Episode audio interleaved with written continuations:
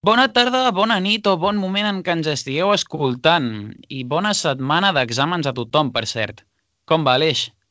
Doncs mm, abatut, consumit per la universitat, com suposo que tots els nostres companys de classe i de universitat.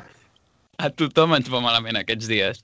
Aquesta setmana ha nevat a tot arreu, menys aquí, i menys mal, perquè nosaltres, com a estudiants universitaris que som, no podríem haver sortit de casa igualment. Però no patiu, perquè ens hem en recordat de vosaltres igual. Això és Match Day.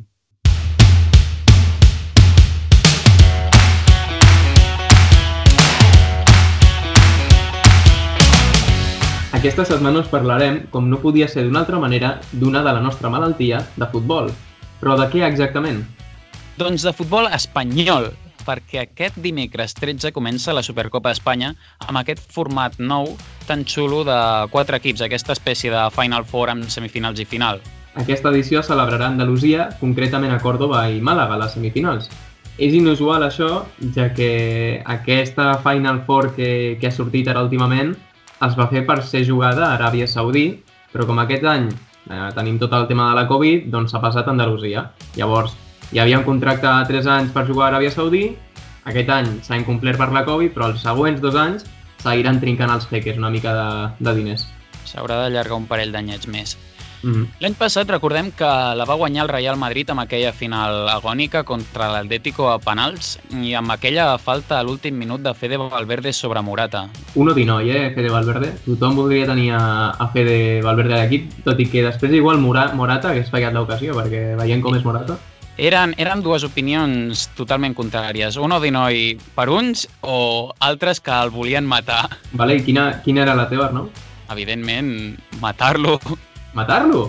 Joder, Aleix. mm, Soc culer, saps? No sé Ah, si bueno, bueno, n'en bueno. recordes. Doncs aquest any eh, els blancs tornen per revalidar el títol, però tampoc ho tindran fàcil. Repeteix també el Barça, del nostre estimat Arnau, amb cares noves respecte a l'any passat, i tenim a dos nous convidats, els dos millors equips del País Basc, un millor que l'altre, l'Atlètic Club i la Reial Societat. Quin? Després ho veurem.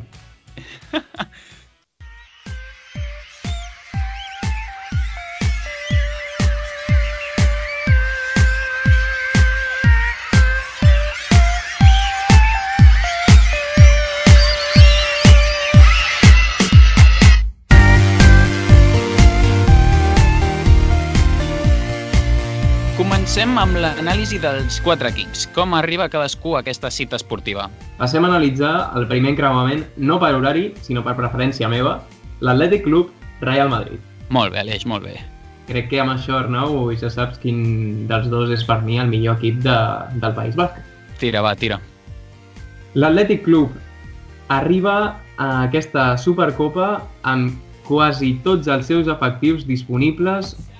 Herrerín, que no està molt a nivell de plantilla, però perquè sembla que està més fora que dins de l'equip, i tampoc estaran disponibles ni Unai López ni Peru Nolascoain, i Gerai, que està així amb una mica de proves a veure si arriba o no a, a la Supercopa.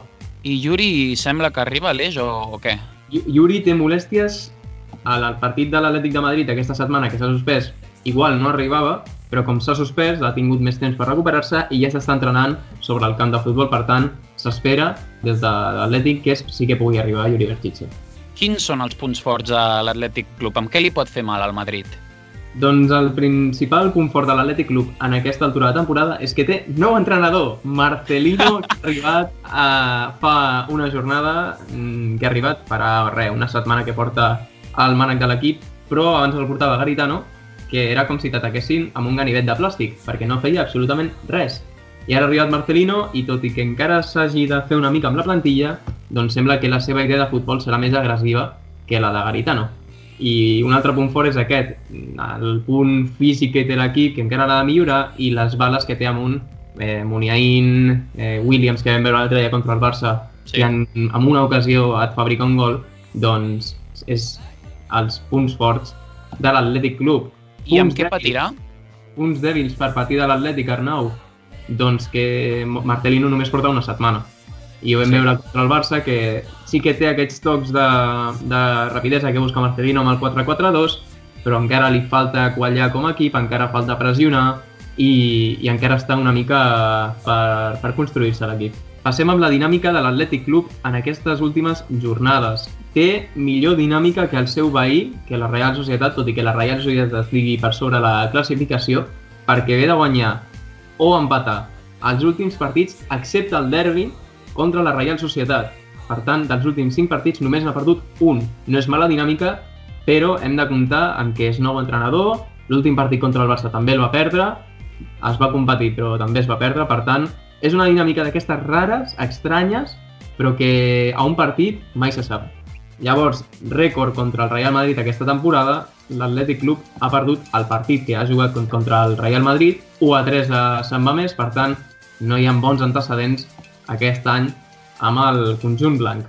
Passem a analitzar el rival de l'Atlètic Club, que serà el Real Madrid, com bé ha dit l'Aleix. El Madrid, que arriba a aquesta Supercopa amb només una baixa, que serà la de Rodrigo Goes, arriba amb tot eh, l'equip disponible. Hazard que s'ha recuperat a temps per aquesta Supercopa i podrà estar a les ordres de Zidane. El Madrid pot fer-li mal a l'Atlètic Club gràcies a, a la bona dinàmica que comencen a entrar els jugadors veterans d'aquest equip, o almenys això semblava. Jugadors com Modric o Casemiro, Kroos... Posaria inclús a Ramos aquí, tot i que està una mica intermitent aquests, aquests últims partits, però si agafen la velocitat de creuer són molt perillosos.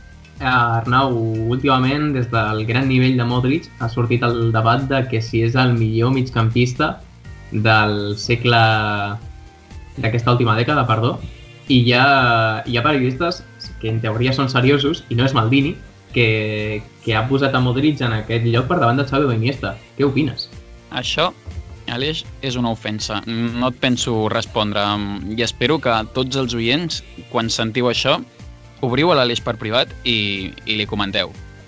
No a més, el Madrid aquest any mm, compta amb Courtois, que està endiosat, mm. està fent parades que valen punts en or, i està salvant a l'equip de Zidane moltes, moltes vegades. Què passa amb el Madrid? Doncs que depèn també moltíssim de jugadors clau, com són Ramos i Benzema. Quan aquests dos jugadors o bé no juguen o bé no estan endollats, a l'equip li costa tirar molt els partits endavant. I a més, eh, el Real Madrid té molt poc gol en general. El màxim golejador és Benzema, amb 9 gols durant tot l'any, i al segon hi ha un triple empat de tres migcampistes amb només 3 gols. Modric, Casemiro i Fede Valverde, que és un fet preocupant. A més, el Madrid és un dels equips més irregulars aquesta temporada, com el Barça. Mm, pot fer-te un partidàs contra el Sevilla que t'empata contra l'Elche o perd de 3 gols a casa contra el Shakhtar. És una borrada, això.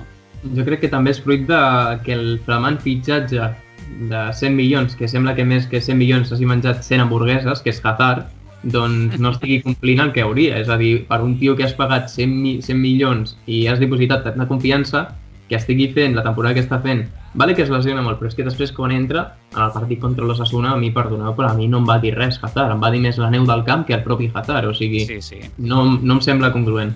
Sí, bastant malament.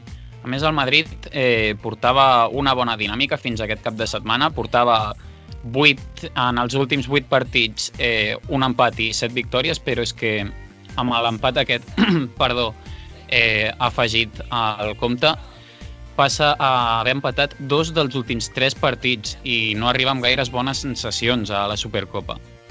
Sí que és veritat que el, el Madrid va molt a dinàmiques. Tots recordarem el, el moment de la Champions, on estaven a punt de quedar-se fora, on portaven una mala ratxa en Lliga, i van arribar aquella setmana, van guanyar el Barça, van guanyar l'Inter, van guanyar el Shakhtar, van guanyar l'Atlético de Madrid, o van empatar contra ells, i van sortir del pou i es van reenganxar a la Lliga. O sigui, és una passada. Per tant, mmm, encara que arribin amb una ratxa així una mica que diguis compte que van cap a baix, arriba Zidane, treu la seva flor de ja sabem on la té i comença victòries. Doncs sí, passem a analitzar la següent semifinal.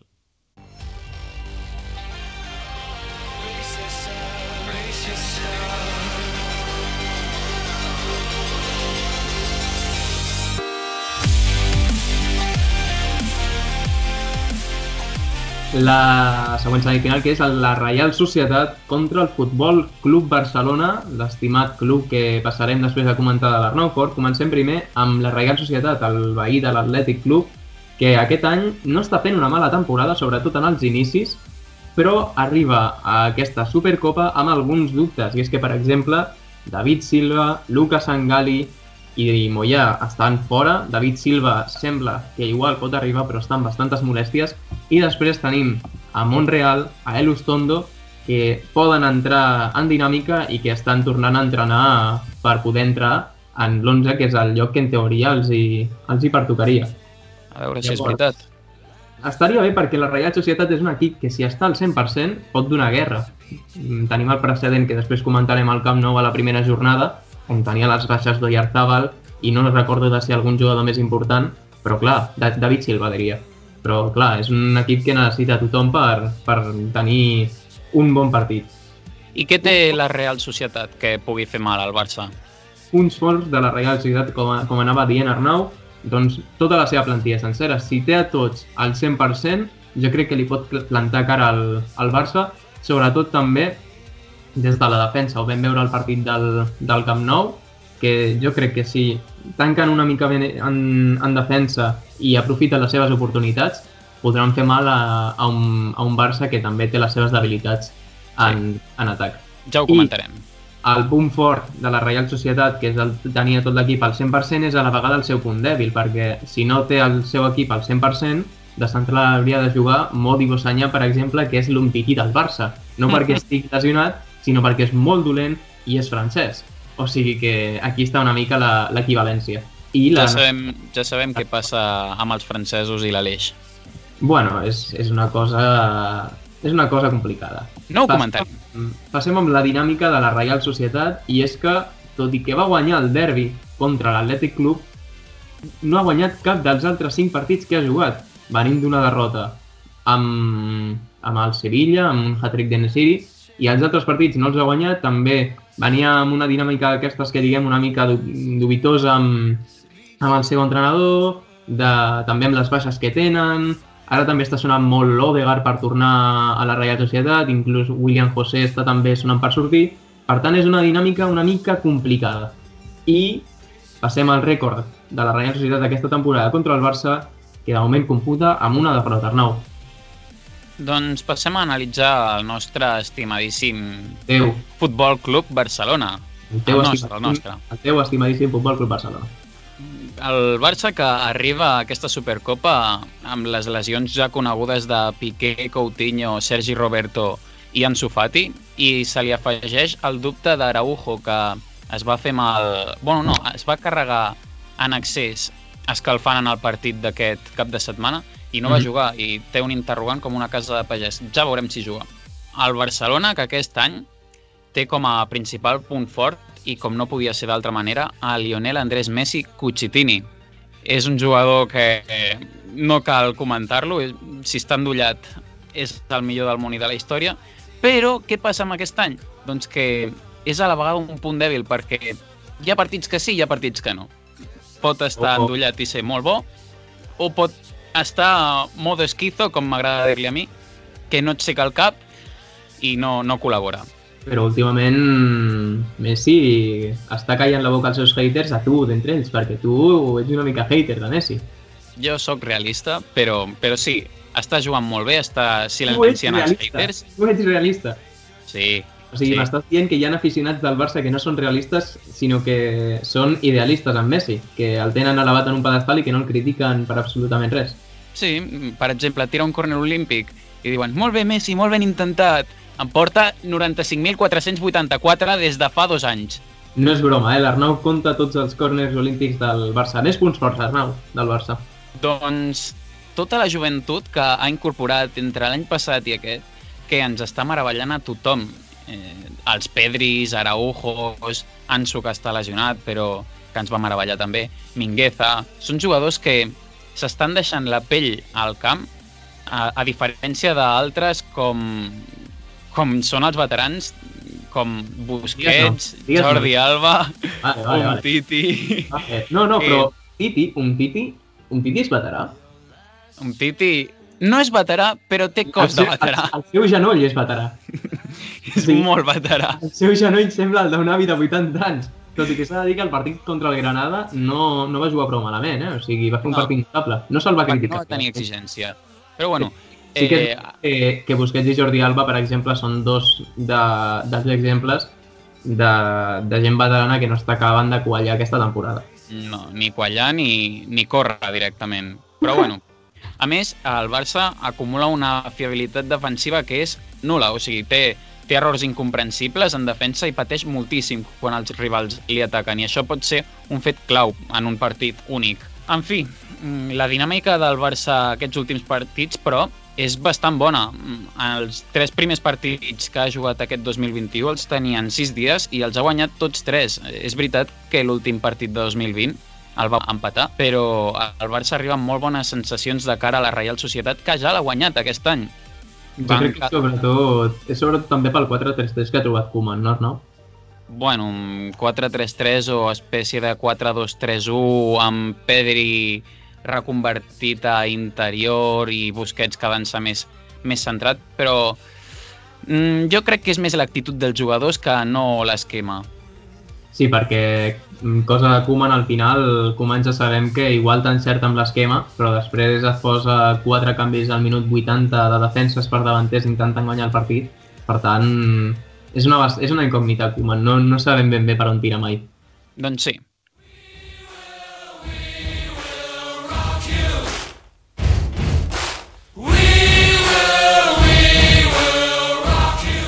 Vist com arriba cada equip, passem amb el que nosaltres creiem que passarà. Perquè mai poden faltar els nostres pronòstics. També coneguts com triples d'esquenes des de la nostra pista. Molt bé, Aleix, m'agrada. Comences tu o començo jo? Va, començo jo. I jo crec que la primera semifinal, no diré el resultat exacte, però crec que acabarà passant al Madrid, per la flor de, de Zidane, que sempre està allà. No més. Molt bé, mira, jo, com que hem dit que ens tirarem triples, jo em tiraré el meu és perquè sóc de l'Atlètic, o sigui que per això ho dic, i m'agrada tenir confiança en Marcelino. Per tant, jo crec que passarà l'Atlètic, però que passarà l'Atlètic amb, amb pròrroga i o penals. És a dir, serà un partit igualat. Ets molt optimista. Jo crec que en la següent semifinal eh, guanyarà el Barça i guanyarà prou bé la Reial Societat. Tu què creus, Aleix?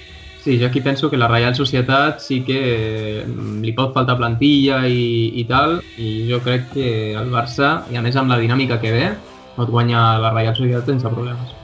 Doncs comentem les, les finals directament. La meva és un clàssic i la teva un Barça Atlètic. Què creus que passarà en la teva? A la meva? Sí. D'acord, pensaria que guanyaria l'Atlètic Club.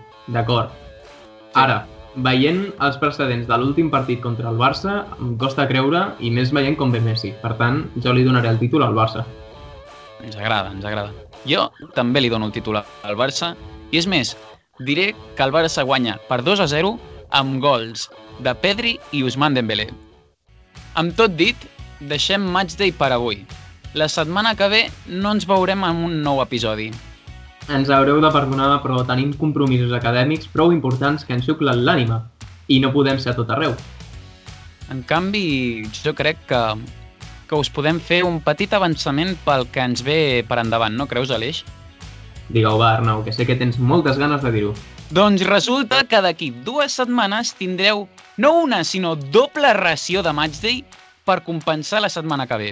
I direm més, direm més, Arnau, perquè en un d'ells, en el primer ens mourem cap a Sud-amèrica i per l'altre ens quedarem per aquí al costat, a l'àrea metropolitana. Pistes, pistes. Doncs fins aquí dues setmanes no amb un, sinó amb dos Matchday totalment diferents. Ens veiem. Adeu!